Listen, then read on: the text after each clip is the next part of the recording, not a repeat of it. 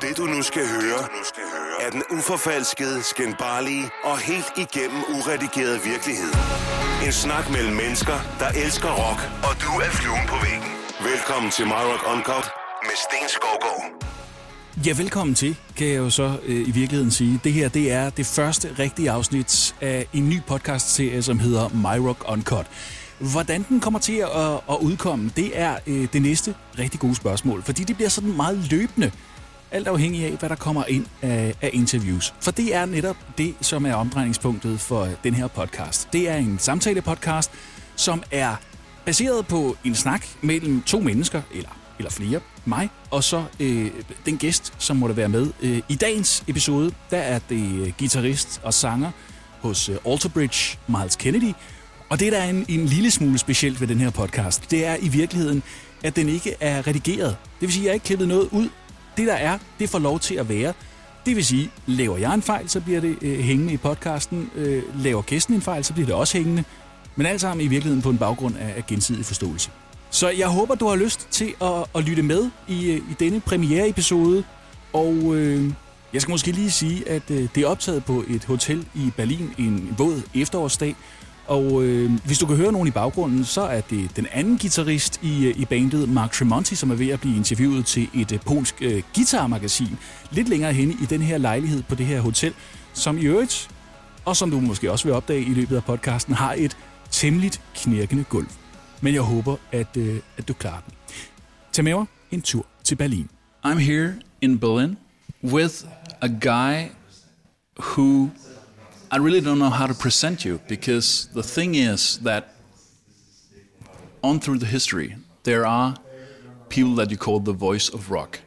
There are guys like Ronnie James Dio, there are guys like Glenn Hughes of Deep Purple, and then there's you because you are our generation's voice of rock. Myles Kennedy of Wow. Alter Bridge, welcome to my rock. Wow, that's that's really you're too kind. No. Wow. I'm just being honest. Thank you. And what you should know is that this broadcast is actually not going to be edited. So if I do some mistakes, I'll leave them in. All right. so everything you will say, well, I won't use it against you. But just so you know. well, gi- uh, trust me, I will give you plenty of mistakes. I'm the master of saying stupid things. The reason we're here is actually that in a short moment, you'll release the seventh album of Alter Bridge. It's called Pawns and Kings. And I really want to know about the title because the first thing, when I saw the title, I thought of chess. Mm-hmm. Then I digged into the title track and I was thinking something about hope and coming out of the, the worldwide pandemic and bringing hope and relief back to the people. Can you tell me what is the thoughts about calling the album Pawns and Kings? you know, it's it's it's such a we felt like it was a strong image. Um, you know, it, it it's it, it, it it's kind of the obvious choice for the for the album title. Um, and as far as the meaning of that phrase and the meaning of that song, it's funny how songwriting works. So I, I sat down one day and I was with my guitar and I started playing some chords and this melody popped in my head and, and the lyrics kind of just popped out of nowhere and that oftentimes that happens And it was just for all of the hope that it brings and though we're pawns we could be kings and I was like I don't know what that means at that point I was like I but I like it I, I like I, there's there's a certain vibe there. So as the um, as the writing process continued, and I started to develop the the narrative, what I became aware of is that it could be perceived as a song, like you just said, a song of hope and empowerment. Uh, the idea that uh, you know you could look at it like almost a David versus Goliath, where you're put in this position where that you're you have this seemingly impossible obstacle to overcome. Could be personal, it could be societal, it could be some sort of authority holding you down. I mean, there's just so many different ways you could you could play that hand. And and for me as a lyricist, I prefer to keep it I, I paint with a broad stroke and, and, and keep it ambiguous enough to where people can extract certain meanings from it to apply in their own lives. Because if I make it very direct, that, that can do a few things. It can alienate a listener, and they're like, I don't relate to this. It can timestamp it where it's like it can be about a certain subject that no longer resonates in 10 years, and so the, the, the shelf life expires, right? And so that was very important. So it's really beautiful for me to hear your interpretation of it because it's like, okay, great. That that he's he's getting that that that empowerment and that hopefulness, and um, that's beautiful. And the fact that it's actually the last track of, of the album. Um, there's a saying that the last cut is the deepest. Well, Right. that is the last cut of the album.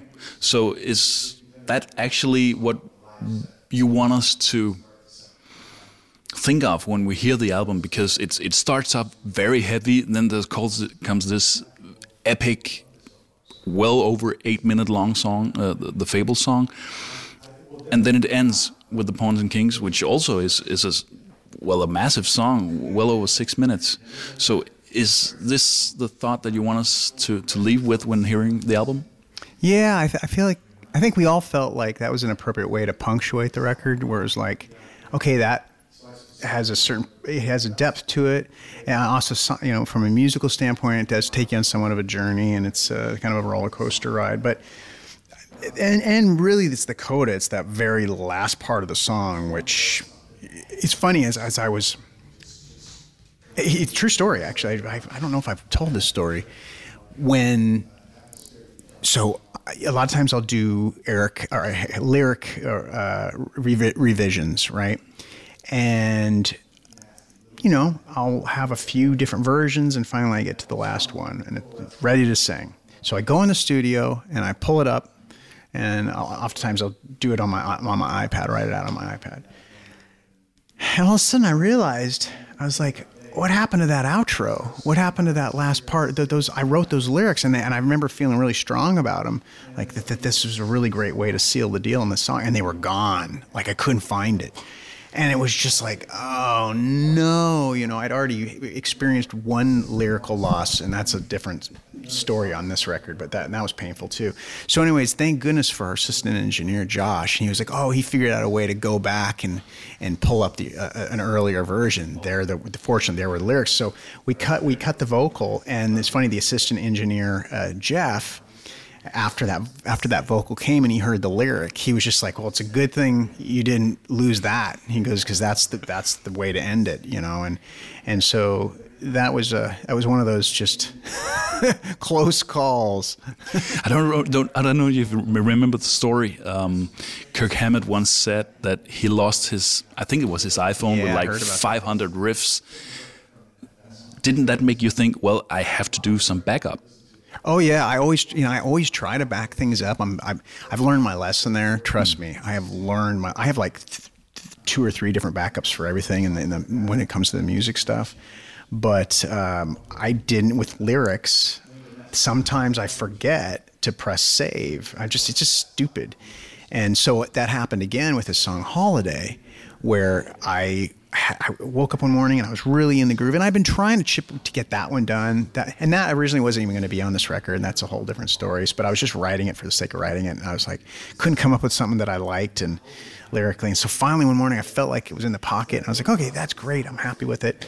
And, and I did something. I pressed something, and it disappeared, and I was just like, and I never did get that one back. Oh. So I had to totally rewrite it. And I ref- it's funny, you know where I ended up rewriting it was we our bus. So I was on tour with Slash and the Conspirators, and we were on, was, we were in America, and our bus broke down. So I remember sitting sitting we, we somehow got like a minivan or something to pick us up on the side of the road and head to the next destination and all I, I just had my phone and I was like well I'm going to try and rewrite that song so we were on a long journey and I think I finally got the lyrics knocked out Let me give you a hint. When you write, write on the cloud, because then it auto saves. right Always do that.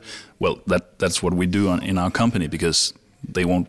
They know we're stupid, so so they, they have to do that. I'm the king of stupid mistakes trust me But the album c- came out great anyway. So thank you it must have worked in some way. And some, you know, sometimes it, it's, it's, also go, good to, to rewrite things, I guess. Sure. Yeah. And sometimes, you know, and I'm a firm believer that everything happens for a reason. And maybe that was just the universe saying, you know what, those lyrics that you thought were good weren't good enough and you're going to rewrite it. Sorry.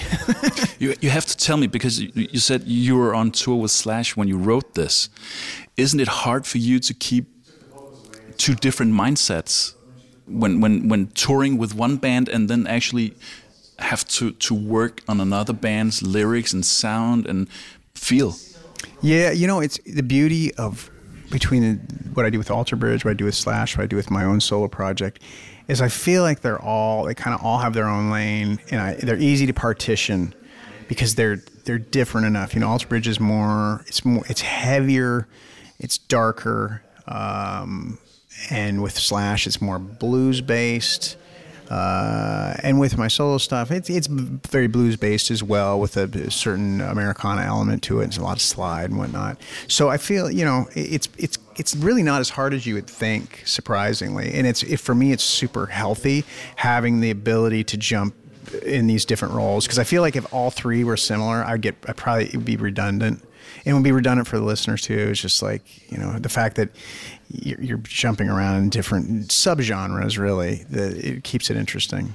Is it is it easier to write when you're on the road? I mean, do you feel like a free space from from traveling when when writing?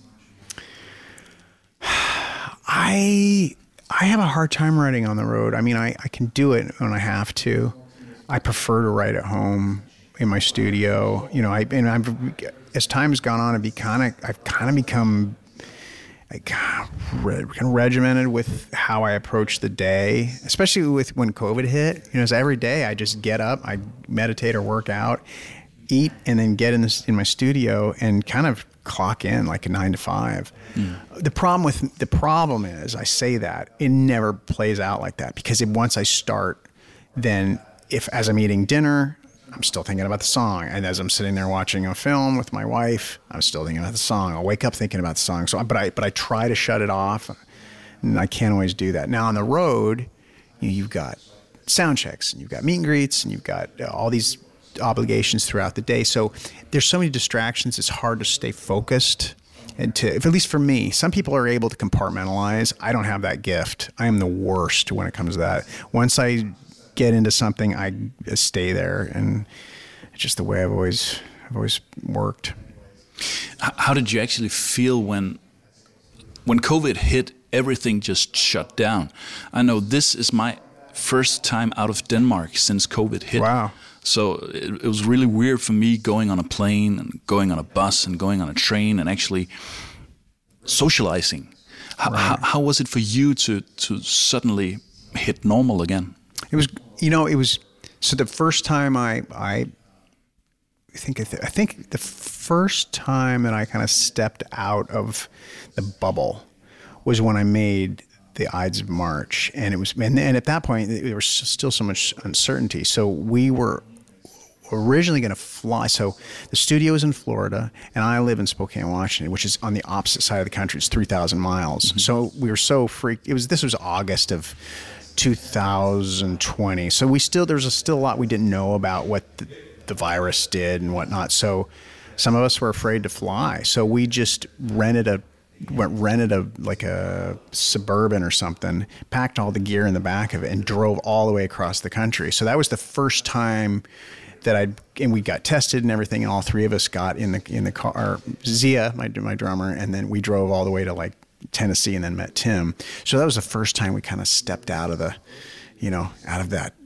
the bubble of our homes, and and it was it was actually really liberating and a lot of fun and just nice to get back into the some semblance of socialization mm. in, in, in, you know face to face um, but then the first time I got to play was uh, later that was it. It was it was the next year. It was I think it was last summer. It's all a blur. It's funny how it's such a blur.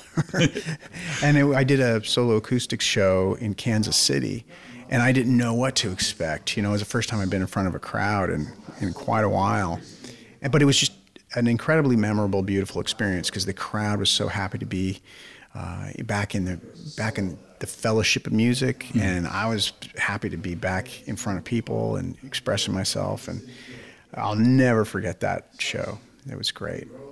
So, has this actually made you more um, aware of the fact that all the goods we have when everything is normal, when they get put away due to a pan- pandemic, are we more happy with them now, or, or, or are we?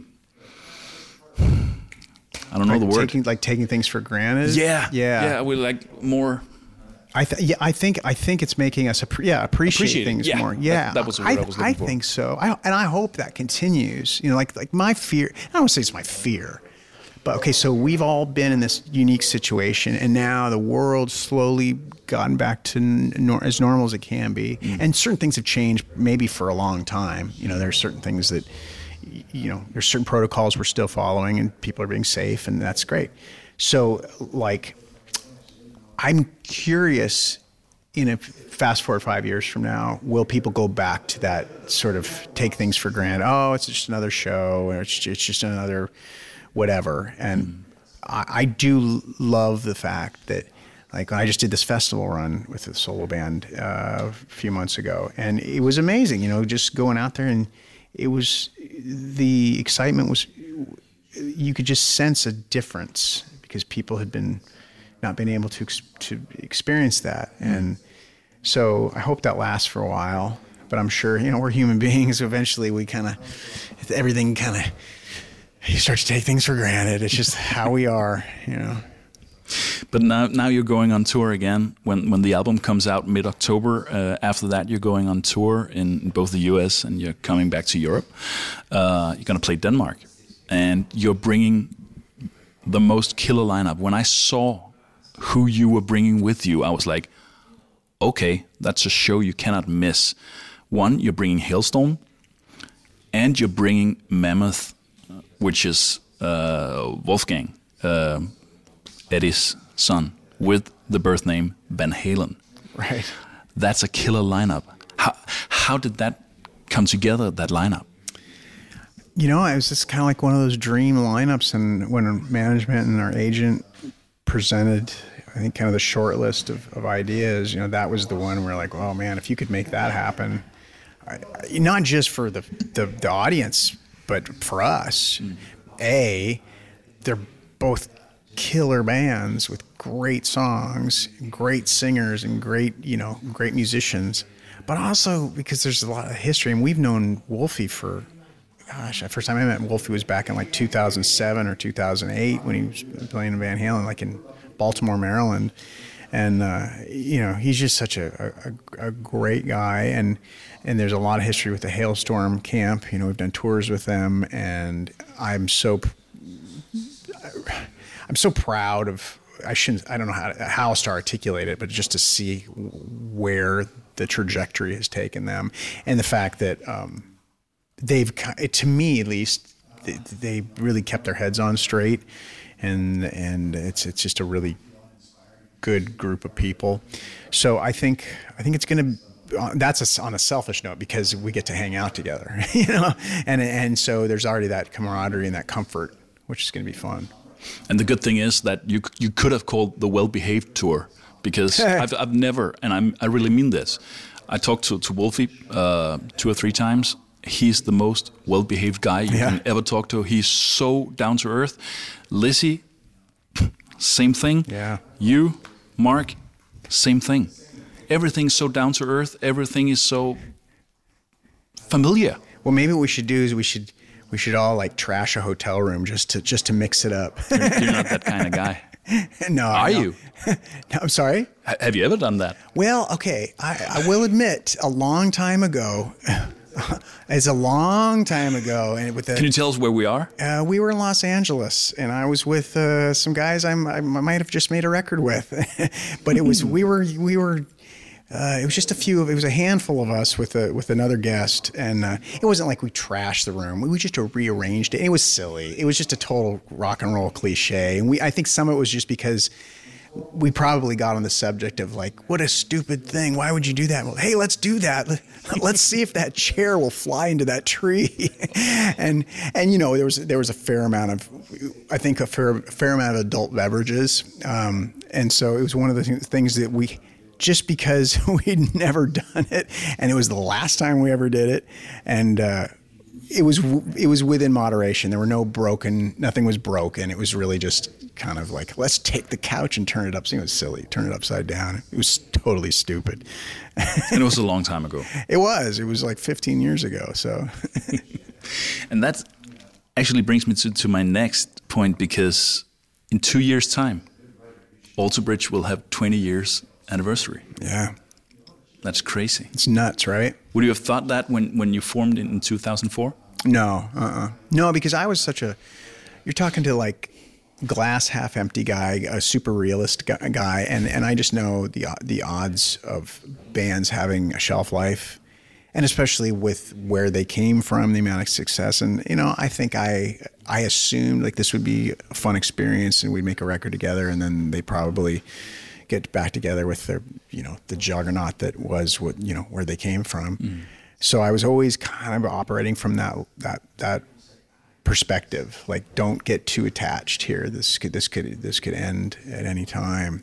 So the fact that you just, you know, drop that, that, that little uh, bit of trivia uh, is fascinating to me. It's and it's great. It's just I I probably would not have bet on that horse 18 years ago just be, just because it's a brutal business. I mean, when I think of how many artists there are out there and how many bands are you know cl- trying to climb claw their way to a point where they can actually have longevity. Mm. You know, it's a it's it's it's definitely uh, the odds are stacked against you. That that fear of not being that long in a band. Is that also why you reached out to to, to other collaborators and, and, and, and do other stuff? I think for me it was the, a couple things. Um, like when opportunities would arise. One thing I will say about myself is that if if something came up and I feel felt like it wasn't in my wheelhouse, I would just have to be honest with myself. So like the very first time I talked to uh, Slash reached out actually prior to when these guys did, which was in 2002, and they were auditioning uh, guys for uh, guys and girls for for what would eventually become Velvet Revolver. I just didn't feel like I was the man f- for the job, and I respectfully kind of pulled my, my, my hat out of the room, name out of the hat, I guess is what mm-hmm. you'd say, because I, you know, I just had to be honest with myself. Um, yeah, obviously, fast forward X amount of years later, and we ended up doing something. But I felt like I was kind of ready at that point um, in, in, the, in, the, in the trajectory. Um, regarding you know the idea of, collaborating with other people as a writer, I like having that opportunity, especially if it's with people who I respect, and and, and if it's with, with people I think I can learn something from. Um, that's important to me. Um, so it, it's interesting because you know, like once again going back to Slash, I thought that that that record, that solo record, would just be a one-time thing. And actually, after we recorded Starlight, he had, we took me back to the hotel, and he was like, "Hey, you know, what do you think of like going out on tour for like, you know, a month or so in in 2010, that following year?" and just, so I just didn't expect. I, I thought, okay, well, great, because I knew that the, the, the other Alter Bridge guys were doing a Creed reunion. I thought the timing is perfect, but I had no idea that it was going to then turn into like this long term thing. And it's it's amazing that it has, but I just it, that was kind of baby steps. So it's been funny how everything's played out. And even though you thought that you were were to do now two solo albums in pretty short time. Yeah, yeah, and then, then that started to yeah. evolve, you know, back in 2017 or 18. So yeah, just staying busy. That's so crazy. That's really crazy. I, I want to talk to you about the the the choice of, of producer, because Michael Baskette, you, you've been working with him for, for for a long time now. What is it that he adds to Alter Bridge? You know, for me personally, it's a it's that it's a comfort level and it's a I trust his instincts. So, especially like with vocals, like he knows my voice. He knows what not to do to it. Like I've mm. been in situations where guys will be like, "Okay, sing it over and over and over and over, and we're gonna." And he knows that with me, it's like it's like a it's like a. I think the analogy he used once was it was like a it's like a racehorse that you, you can't put away wet. You know, you gotta take it's it's it's resilient to a point, but it'll turn on you real quick. And he and thank goodness he understands that after working with me for 20 years, because you know he was he recorded the second Mayfield Four record. He was the engineer on that, so he way back when uh, kind of started to understand how, uh, from a physiological standpoint, what my voice does and doesn't do well.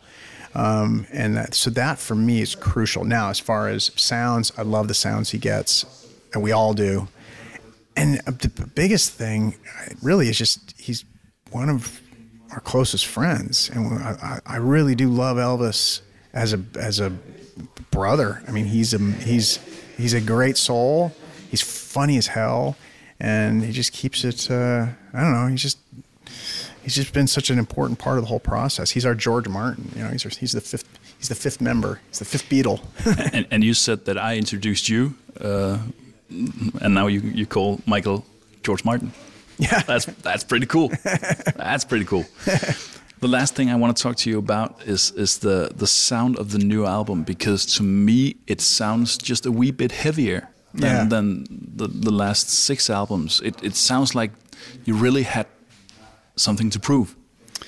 It's it's interesting. I don't know, and I don't know why. It's funny. Everybody is tapped into the heavier element, the aggressive element, and I don't know where that came from, other than maybe maybe it's because it's more riff based. Um, one thing that we talked about when we went into making the records, we wanted to make sure that it was very crystallized in the vision and refined, and not a lot of a lot of layers that would take away from the the, the impact of the of the riff.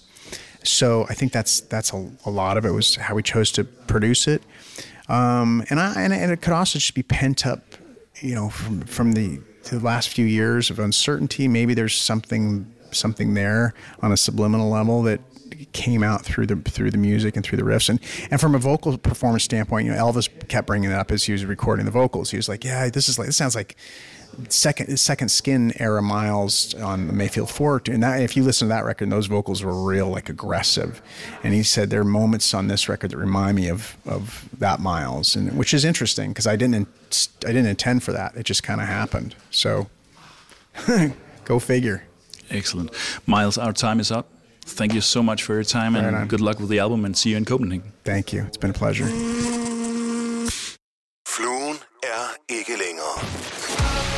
det er My Rock Uncut heller ikke. Men fortvivl ej, der er masser af guld i podcastgemmerne, så gå bare i gang. Og ellers er der ikke lang tid til næste episode. Tak fordi du lyttede med. My Rock.